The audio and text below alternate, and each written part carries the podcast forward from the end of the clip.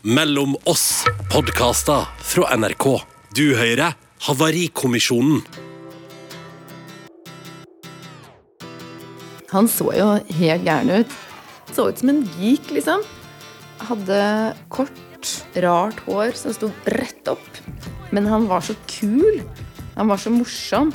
Det her er eh, Lilly, og hun har akkurat møtt Tobias. Jeg liker jo litt sånn frekke, frittalende damer da, som har litt bein i nesa, og som gjerne er litt småmystiske. Hun hadde gått på teaterskole i New York, så hun hadde litt sånn her, et eller annet spennende ved seg. Så var hun vakker, da. Tobias og Lilly faller for hverandre. Problemet er bare at noen år senere så høres det sånn ut. Og så kommer jeg hjem, og så er leiligheten liksom helt bomba. Da står det oppvaskrester, mat, klær, rot, skrot overalt. Det ble rasende. Jeg tenker vel at hun ble litt sånn oppgitt og lei av det hun opplevde som mangler, da. Også for å bare understreke det tydelig, så kom hun med sånne stikk hele tiden.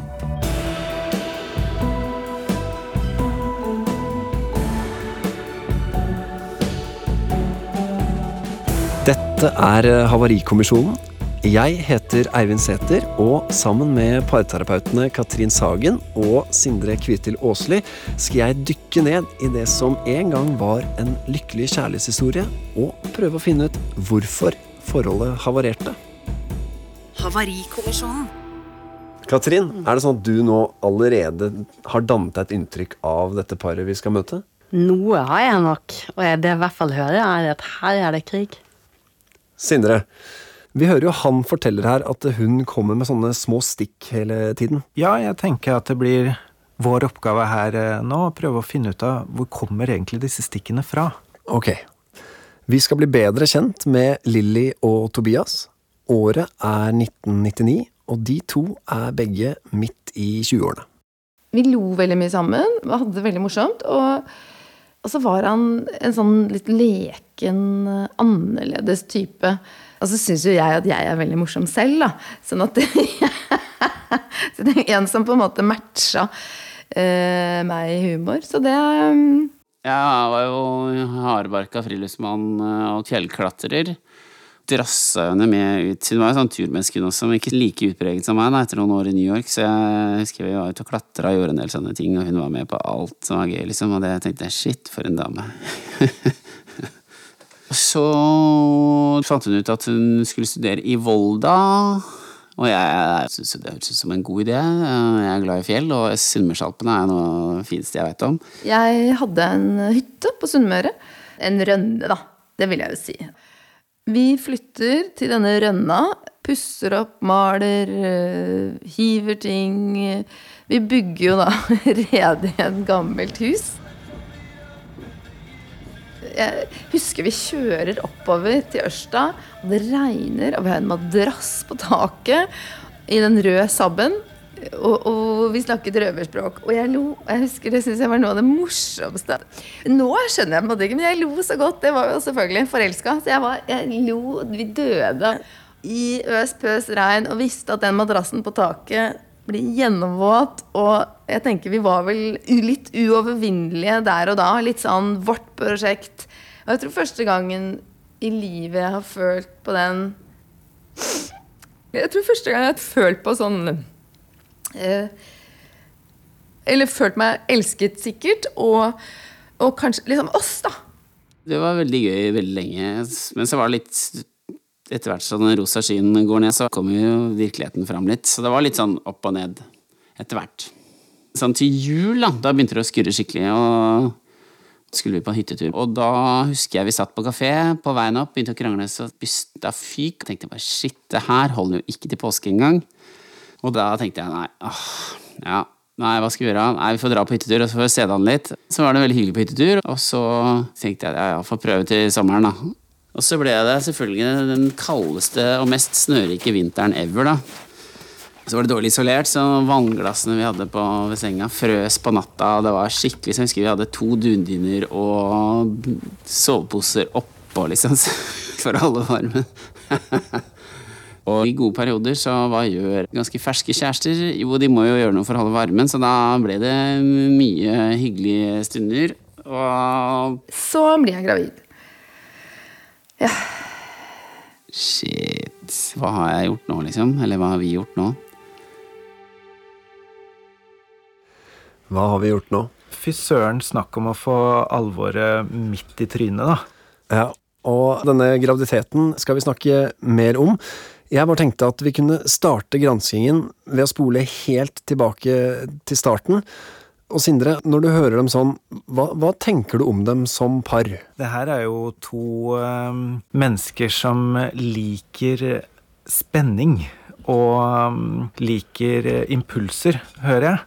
Så jeg tenker det er ikke rart at det ble de to i utgangspunktet. Og for et levende bilde med den eh, turen til Ørsta i den røde Saben. Jeg blir jo glad når jeg sitter og hører på dem. Ja, ikke altså, sant? Du føler du blir nesten litt sånn småforelsket selv. Det er Ja, kjempedeilig. Hvem blir ikke det, holdt jeg på å si. Men hun sier jo at Og blir veldig rørt når hun forteller at da kjente vi oss uovervinnelige. Og det er jo det forelskelsen gjør med oss, at vi kjenner oss uovervinnelige. Og det er på en måte nesten en sammensmelting av de to hun beskriver.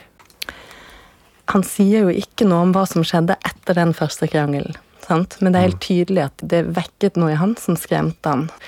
Kommer vi til å få det til eller ikke? Er du den rette? Klarer du og jeg det? Ja ja, vi får vel bare prøve, ikke sant? Og det er jo en slags prøveperiode i hans hode. Og så får jo disse noe virkelig kastet i fanget, som er det store alvoret. Akkurat idet de har begynt å føle at det skurrer litt.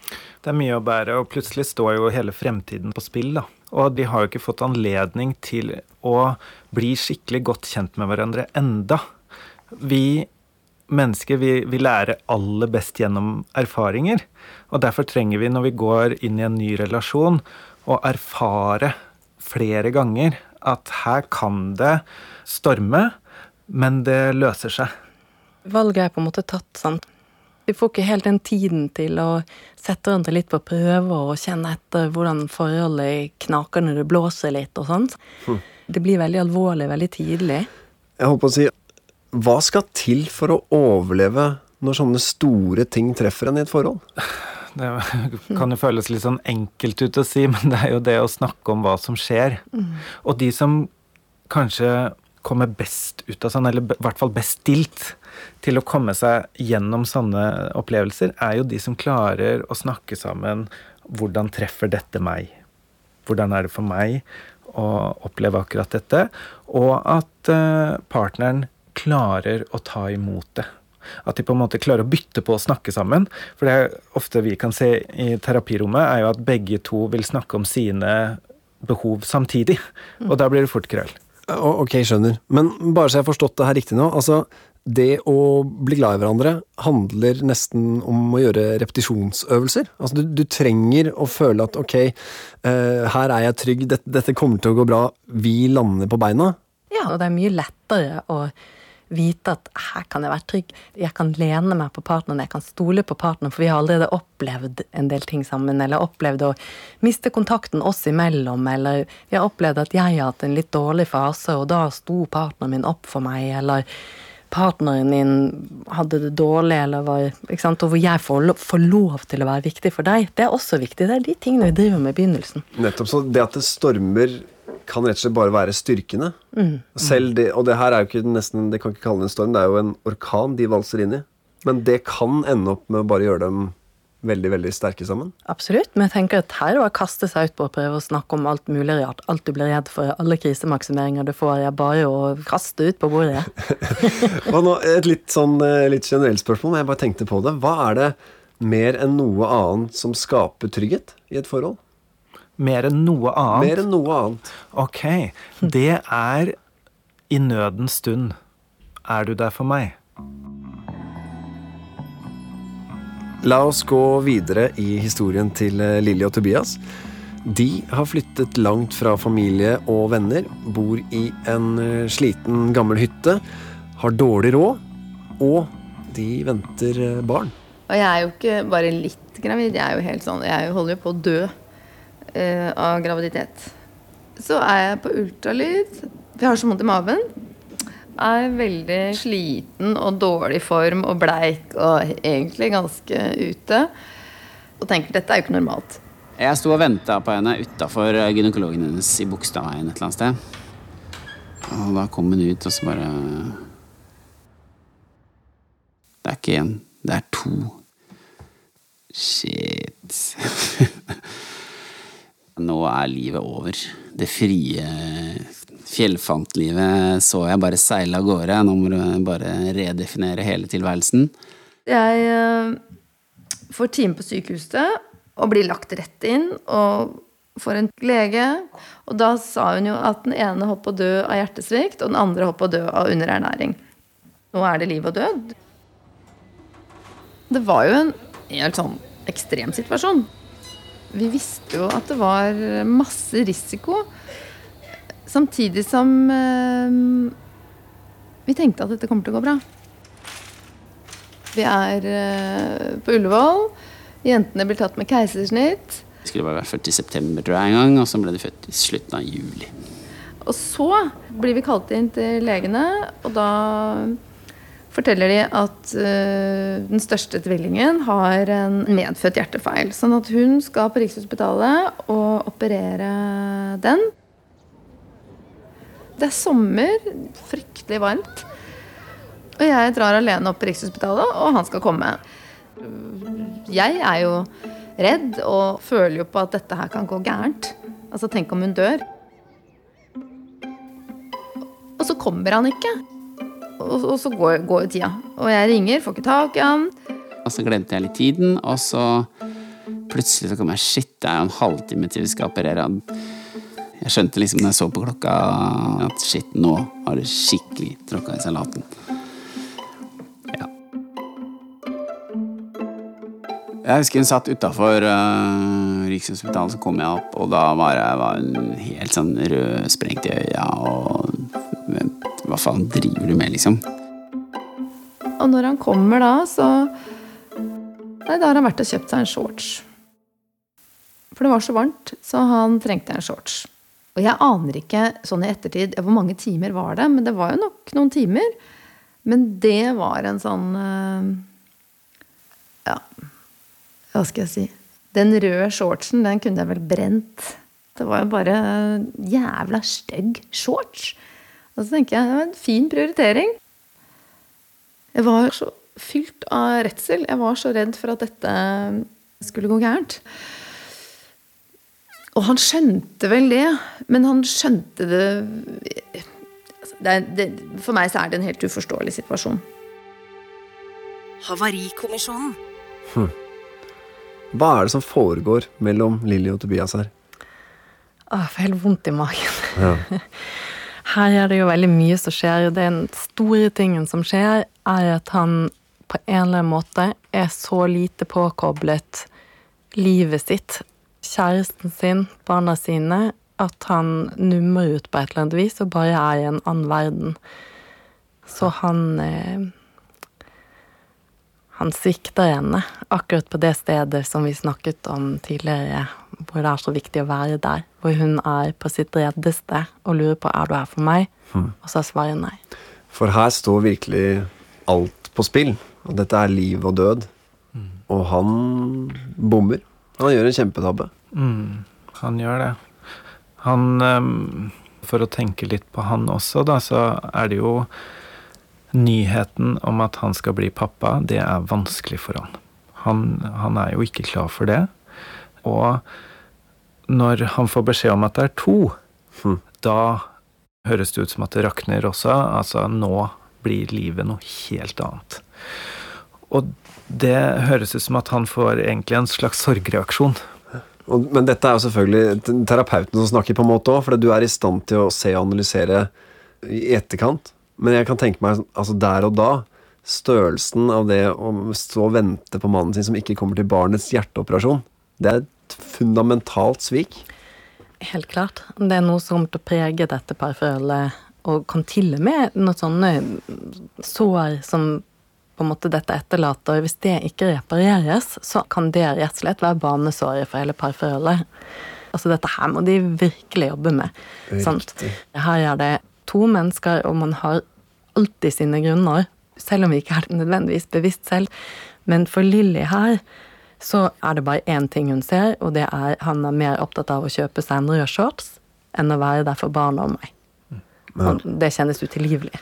Og det skjønner jeg, men så er vi jo mennesker, vi vet jo fra våre egne liv òg at vi, vi går jo på trynet hele tiden. Så skal det være noe håp, så må vi finne en vei ut av det. Det er eh, rett og slett en umulig oppgave å gå gjennom et langt parliv sammen uten å falle og slå seg noen ganger. Og da kan det bli sår, og noen sår stikker dypere enn andre. Og de skikkelig dype sårene, som i dette tilfellet, de må renses, sys og plastres igjen. Og det gjør man jo ved å gå inn og snakke om hva er det som har skjedd her. H- Hvordan følte jeg meg når det her skjedde? Og jeg tenkte, hun snakker om den jævla stygge røde shortsen. Eh, skulle bare ha brent den.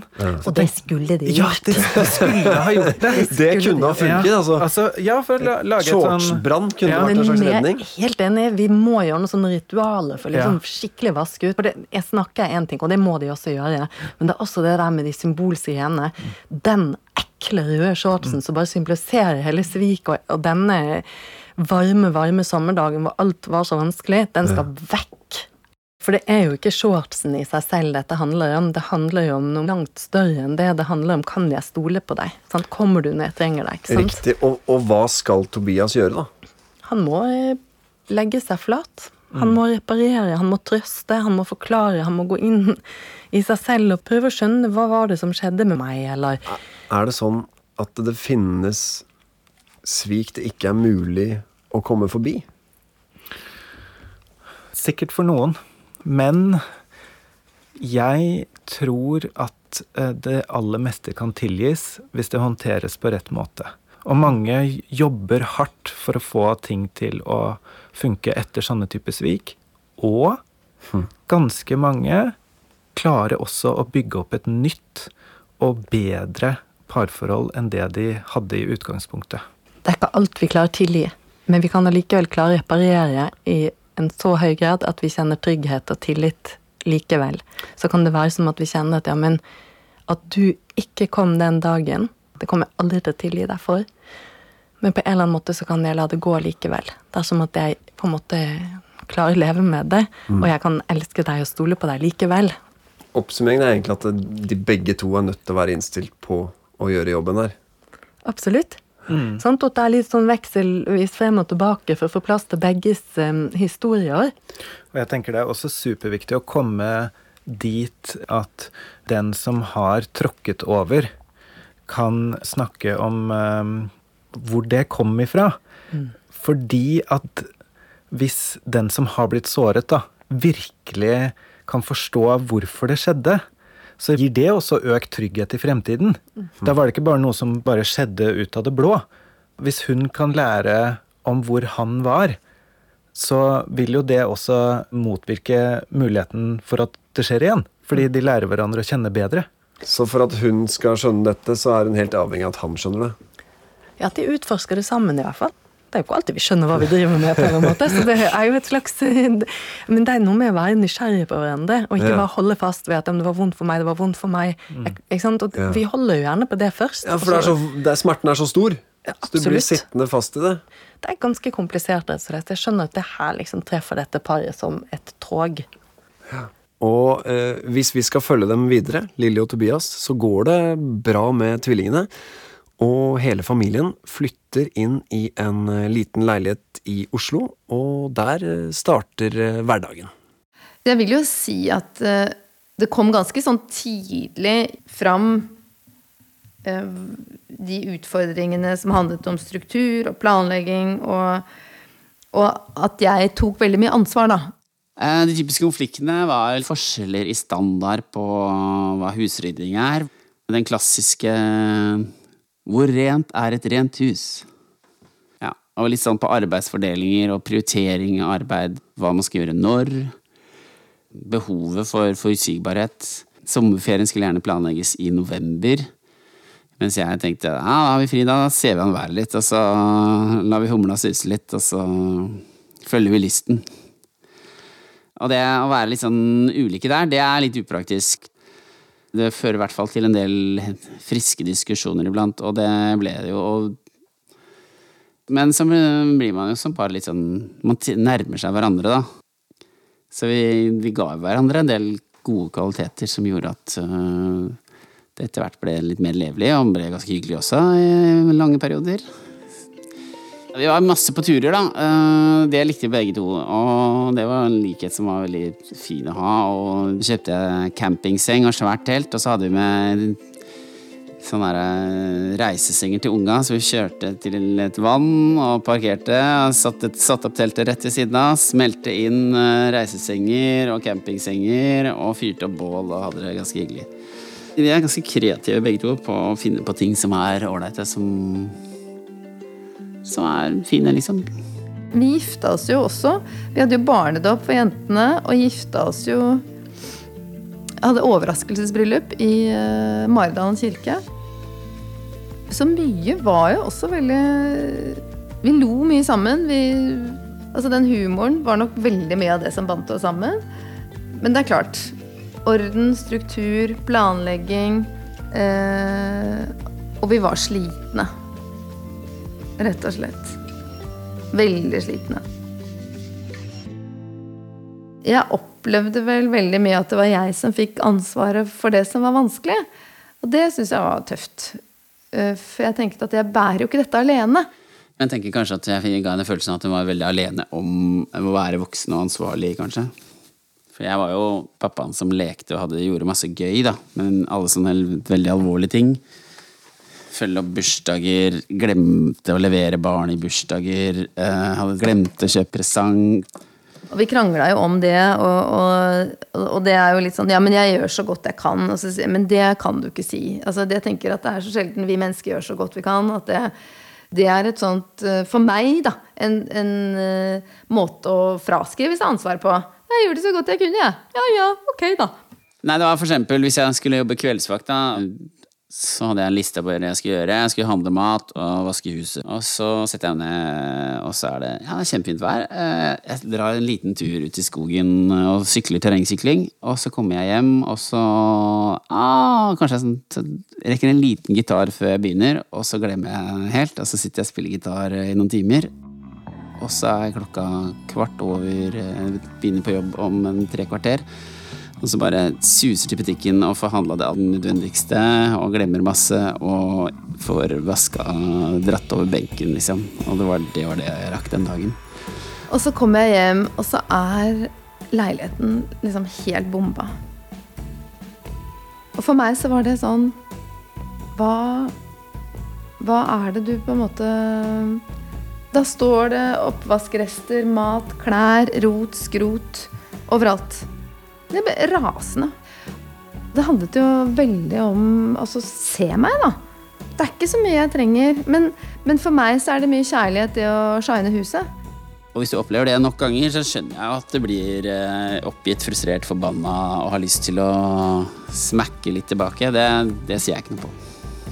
Så jeg skjønner også hennes eh, selv om det var Det var ikke noe konstruktivt. Det var, eh, det var ikke bygge hverandre opp, liksom. Sindre, ja. her merker man at de er på vei litt i hver sin retning. Uh, ja, og nedover, ja. Nedover ja. i hver sin retning. Men jeg tenker nå, hvis de to hadde kommet inn på kontoret ditt, satt seg ned, og du hørte dette, hva ville du sagt til dem akkurat der og da? Jeg ville sagt at um, de virker til å være et par som spiller hverandre gode når de ikke kjenner seg trua. Fordi du hører når de snakker om overraskelsesbryllupet sitt og humoren og de fine turene, at da er de oppe i samme tempo igjen og i samme energi. Eh, men det forsvinner helt når de kjenner seg trua i parforholdet. Hva er det som truer her, da? Nei, det er um, trygghetsfølelsen hmm. i parforholdet. Veldig mye for henne.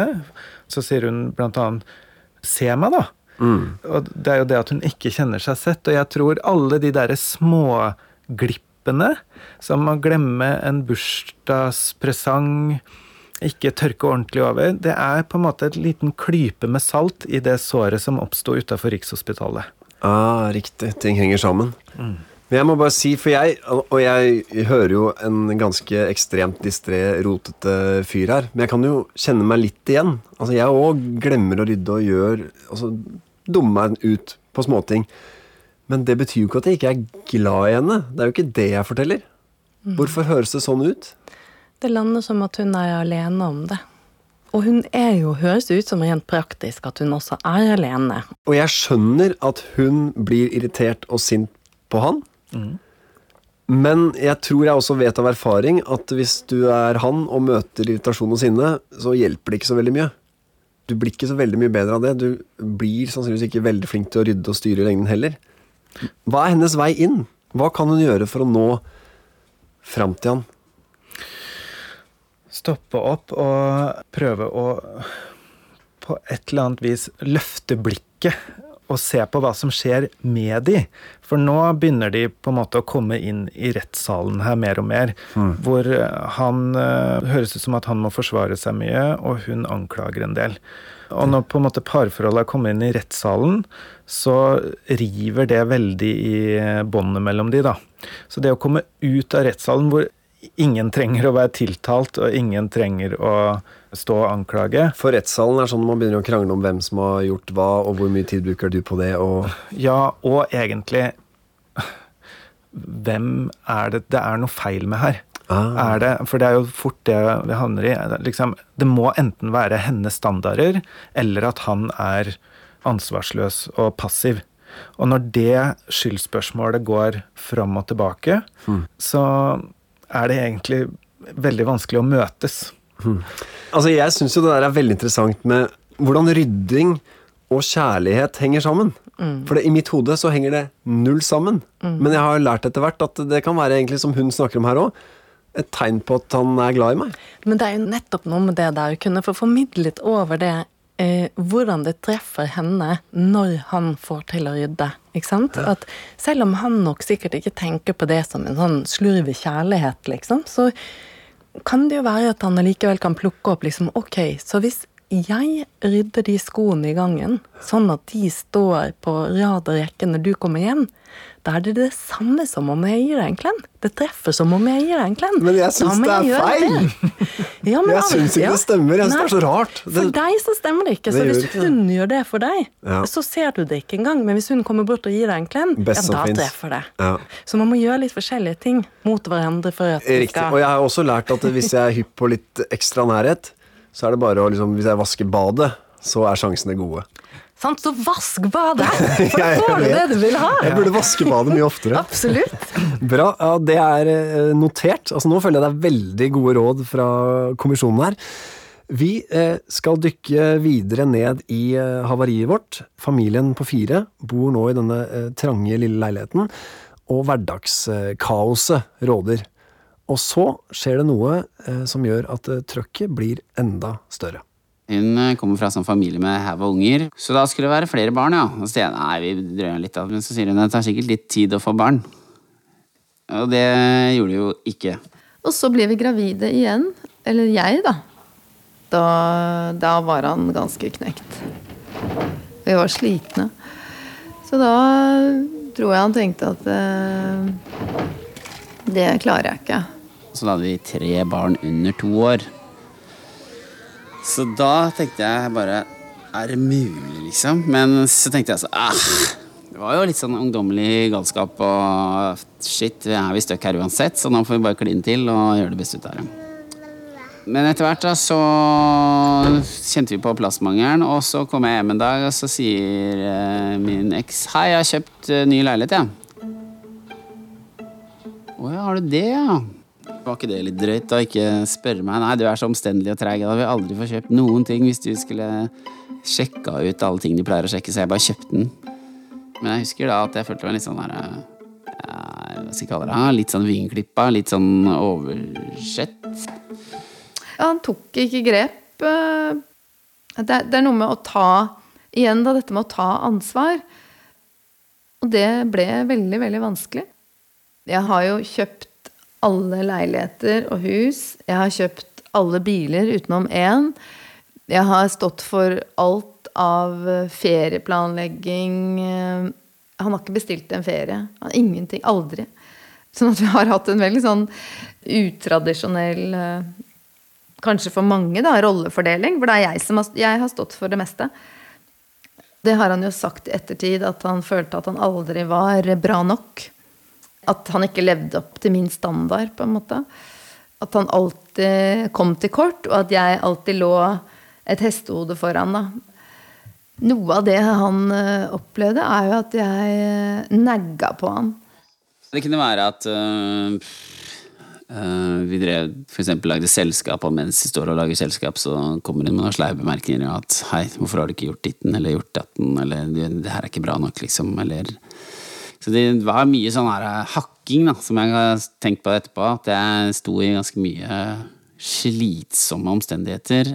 At jeg kanskje etter hvert ikke sto opp så mye som jeg burde gjort for meg sjøl. For det ble alltid bråk av det. liksom. Det ble alltid ubehagelig. Det ble kalde skuldre. Det ble eh, kjølig mm, Ikke bare en kveld, men dager, uker. Og jeg husker han sa det, du må, du må skjerpe deg. Det er jo gått dit at jeg greier ikke å skjerpe meg lenger. Jeg har på en måte mistet eh, mistet noen grenser da, i forhold til eh, det raseriet jeg kunne kjenne på, faktisk. Jeg tenker vel at hun ble litt sånn oppgitt og lei av um, mine underfundigheter og det hun opplevde som mangler, da. Også for å bare understreke det tydelig, så kom hun med sånne stikk hele tiden. Jevnt og trutt i mulige sammenhenger. Og det, når jeg tenker på det etterpå, så tenker jeg det høres jo ikke så veldig hyggelig ut, og det var det jo ikke heller. Og det var nok eh, Ja forakt etter hvert kjente jeg mye på. tenkte jeg. Så på slutten så, så, møtte jeg ikke blikket hans. Altså jeg unngikk jo å se på han. Orket ikke å se på han, forholde meg til han. Og han sa jo i familieterapi at jeg greier ikke å være Jeg vet hva du trenger, eh, men jeg klarer ikke å gi det til deg. For den følelsen jeg ofte satt med, var at jeg brukte hele livet mitt på å løpe eller streve etter på å være en fyr som jeg aldri klarte, eller hennes forventning som jeg aldri helt klarte å etterleve. Som gjør at um, du hele tiden har følelsen at du er egentlig ikke bra nok. Uansett hva du gjør. Mm. Men det er ikke så veldig hyggelig følelse, da. At den du egentlig skal være mest glad i livet, gir deg den følelsen. Hm. Dette er rett og slett litt vondt å høre på. Ja, det er kjempevondt. For så vondt av de begge to. Mm. Hva er det som har skjedd der? Nei, De er jo langt inn i den eh, dynamikken hvor de liksom skikkelig bare ikke kommer ut av det. ikke sant? Hvor det blir liksom brudd på brudd, og hvor de har gått seg helt vill. Mistet hverandre. Det jeg hører, i hvert fall, er jo at de har gått veldig i hver sine roller. Hvorfor er det sånn? Nei, Det er rett og slett sånn at man dytter hverandre inn i nesten litt sånn der eh, karikaturer av seg selv. Jo mer han blir konfliktsky og selvutslettende og kjenner på utilstrekkelighet, men ikke klarer å stå opp og bare prøver å ordne liksom, kontakten ved å, å, lage seg liten, på en måte, desto mer treffer det hos henne som at uh, du er ikke der. Jeg er helt alene. Og når jeg kjenner det sånn, så blir jeg sint på toppen. Og jo mer sint hun blir, desto mer trekker han seg tilbake. Og jo mer han trekker seg tilbake, desto sintere blir hun. Og der er de sterke. Mm. Dette er en trist dans. Ja.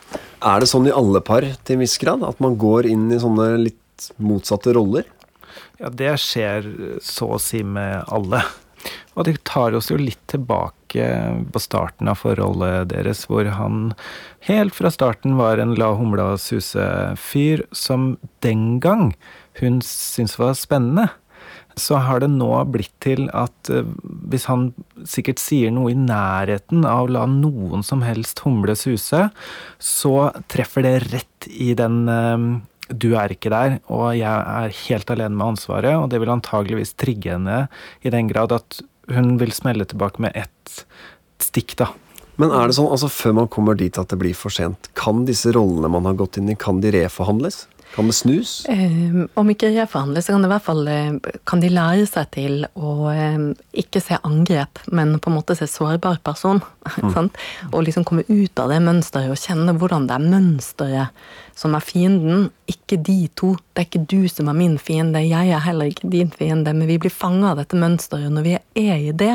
Da kjenner jeg bare på de vonde følelsene for deg. Så vi må liksom få trollet frem i lyset på en eller annen måte, og trollet er nettopp dette mønsteret. Sånn at uh, ikke de havner der hvor den ene, liksom, i dette tilfellet hvor hun kjenner seg helt alene og liksom må beskytte seg med å bli veldig selvstendig. For hvis ikke, hvis ikke jeg gjør det, så raser verden, på en måte, for du er jo ikke der. Og mens han kjenner seg helt selvutsletta og helt vingeklippet og helt um, uten verdi. Og det tenkte jeg skulle spørre om. Fordi eh, når man kommer dit og man hører at hun sier at hun forakter ham Mm. Hvordan Altså, det, det, det er jo kjærlighet det kommer av dette opplegget her. Det er um, på en måte um, sånne apokalyptiske ryttere som kommer inn og herjer med parforholdet, og forakten er liksom den farligste. Så den kommer inn når vi liksom er helt truet på livet. sant?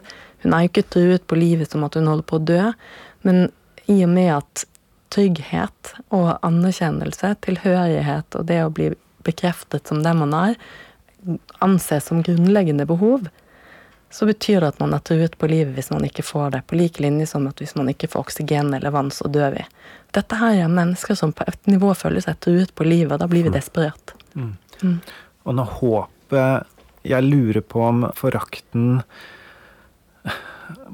hjelper henne ut av forholdet også. Fordi at håpet er slukket. Så kommer forakten, og det hjelper henne i og for seg i å koble seg av Så hun er i en prosess på vei ut her, rett En og slett. løsrivelsesprosess. Etter noen år får Lilly og Tobias også et uh, fjerde barn, men så nærmer det seg slutten på ekteskapet. Men på slutten der så var jeg Da var jeg, jeg var så ferdig. Men da sa jeg at nå, nå orker jeg ikke mer. Da var det ikke jeg som uh, forlot skuta. Da ble vi enige om det og gjorde det sammen, liksom.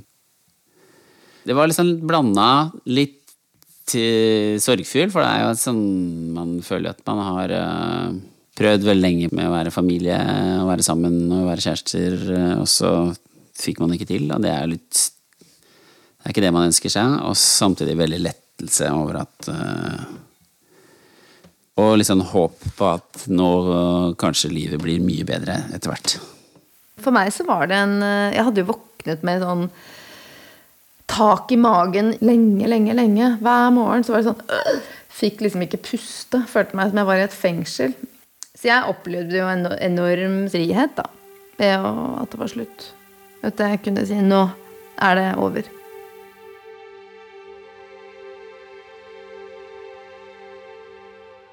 Sånn endte historien om Tobias og Lilly. Og nå har dere i Havarikommisjonen lyttet og analysert dette paret. Så da lurer jeg på, Sindre, hva er egentlig konklusjonen? Hvorfor går det som det går? Jeg tror det går som det går, fordi at dette forholdet fikk seg noen eh, kraftige, dype sår ganske tidlig. Som eh, ble for vanskelig for de å klare å lappe sammen på en ok måte, sånn at det gikk rett og slett betennelse i det. Og da var det den der giftige dynamikken som tok tak i de, drev de til hver sin ende, og til slutt så røk strikken. Ja, helt enig. De blir drevet inn i noen roller som de ikke kjenner seg igjen i, egentlig, og som heller ikke beskriver dem som mennesker. At hun er ikke sånn sorgid som hun virker, han er ikke så udugelig som han virker. Og hvis det var mulig å spole alt tilbake og, og bare liksom få lov til å møte dem helt i starten, hva ville du sagt til dem? Dere kommer til å få noen skikkelige trøkker fremover. Siden jeg kommer fra fremtiden, så vet jeg det. Og da er det viktig at jeg virkelig tar deg tid til å reparere. Og at jeg skjønner hvor disse trøkkene som dere kommer til å møte, hvor det treffer hos hverandre, og hvordan dere skal kunne redde hverandre. Ikke mist kontakten med hverandre, for da går det til helsike. Og så ville jeg bare lagt til at eh, grunnen til at dere skal snakke om det som gjør aller vondest, det som er aller farligst, det er at gevinsten er enorm. Havarikommisjonen. Lilly og Tobias, nå har dere eh, fulgt med på kommisjonens arbeid. Og så eh, lurer jeg på, Lilly, hva tenker du om det eh, terapeutene sier om forholdet deres? Jeg tenker at det var eh, fint at de satte liksom, fokuset kanskje på spesielt den ene episoden Samtidig så er jo, er jo et parforhold langt mer komplekst og mangefasettert, da. Så jeg er jo ikke uenig i at det var et viktig sånn knekkpunkt, samtidig som jeg tenker at det, det var mange andre ting også, da. Både på godt og vondt, ikke sant. Tobias, eh, hva tenker du? Stemmer analysen? Ja, Ut ifra det som blir presentert av uh, vår historie, så vil jeg si det. Det er interessant med tidlige sår. At man, uh, hvis man ikke reparerer uh, at det har konsekvenser veldig langt fremover i tid. Da. Det har jeg ikke tenkt på før. Jeg har tenkt på etterpå at den hendelsen med den røde shortsen og meg alene på sykehuset er jo en sånn hendelse som jeg har tenkt at eh, det kanskje handler om meg, og at erfaringene mine har da også blitt bagatellisert. At jeg overdriver, at jeg Ja, at jeg var en vanskelig person, da. Og så ser jeg når jeg hørte terapeutene gå inn og analysere den situasjonen, så tok de den, de tok den dypt alvorlig. Og det, det var ganske fint, og, på en måte litt sånn overraskende, for da ser jeg at jeg at mine følelser de stemmer. Jeg kan lytte til de. Ehm, jeg tenker I en relasjon, et parforhold, når man går inn i noen mønstre, så flyttes jo også grensene. At man kan ende opp med å behandle hverandre ganske dårlig uten å og så det, liksom, ligger det inne i parforholdets dynamikk. Og så betyr ikke det at jeg er sånn eller han er sånn, men at vi sammen på en måte graver den graven. da. Tobias, er det noe du tar med deg videre fra alt det her? Ja, det er jo det å kanskje være bedre til å reparere sår da, som dukker opp. Og være mer bevisst på hva man gjør, og hvordan man gjør ting. Og at man har liksom mer reflektert forhold til uh, hva som skal til da, for å lykkes, og hva som skal til for å mislykkes. Og tråkker man i salaten, så kan man gjøre noe med det hvis man gjør det på en ålreit måte. Og på et riktig tidspunkt. Takk til eh, Lilly og Tobias eh, for at de deler så raust av sin historie. Vil du høre flere parhistorier og plukke med deg noen gode råd fra samlivsterapeutene, så har vi flere episoder å by på. Hvem skulle ta oppvaska? Hvem lagde mat? Hvem skulle ta barna om morgenen? Vi ble eh, så slitne at vi begynte å hakke litt på en annen. Begynte å diskutere hvem som hadde hatt ungene lengst og nå burde få lov til å ta en pause. Havarikommisjonen er laget av Caroline Møller og Maja Østerud. Lyddesign på denne episoden Hilde Rolfsnes og Hans Ole Hummelvold. Ansvarlig redaktør er Randi Helland. Mitt navn er Eivind Sæther. Paret i denne episoden har valgt å ikke bruke sine egentlige navn. Du har hørt en podkast fra NRK. Hør flere podkaster og din favorittkanal i appen NRK Radio.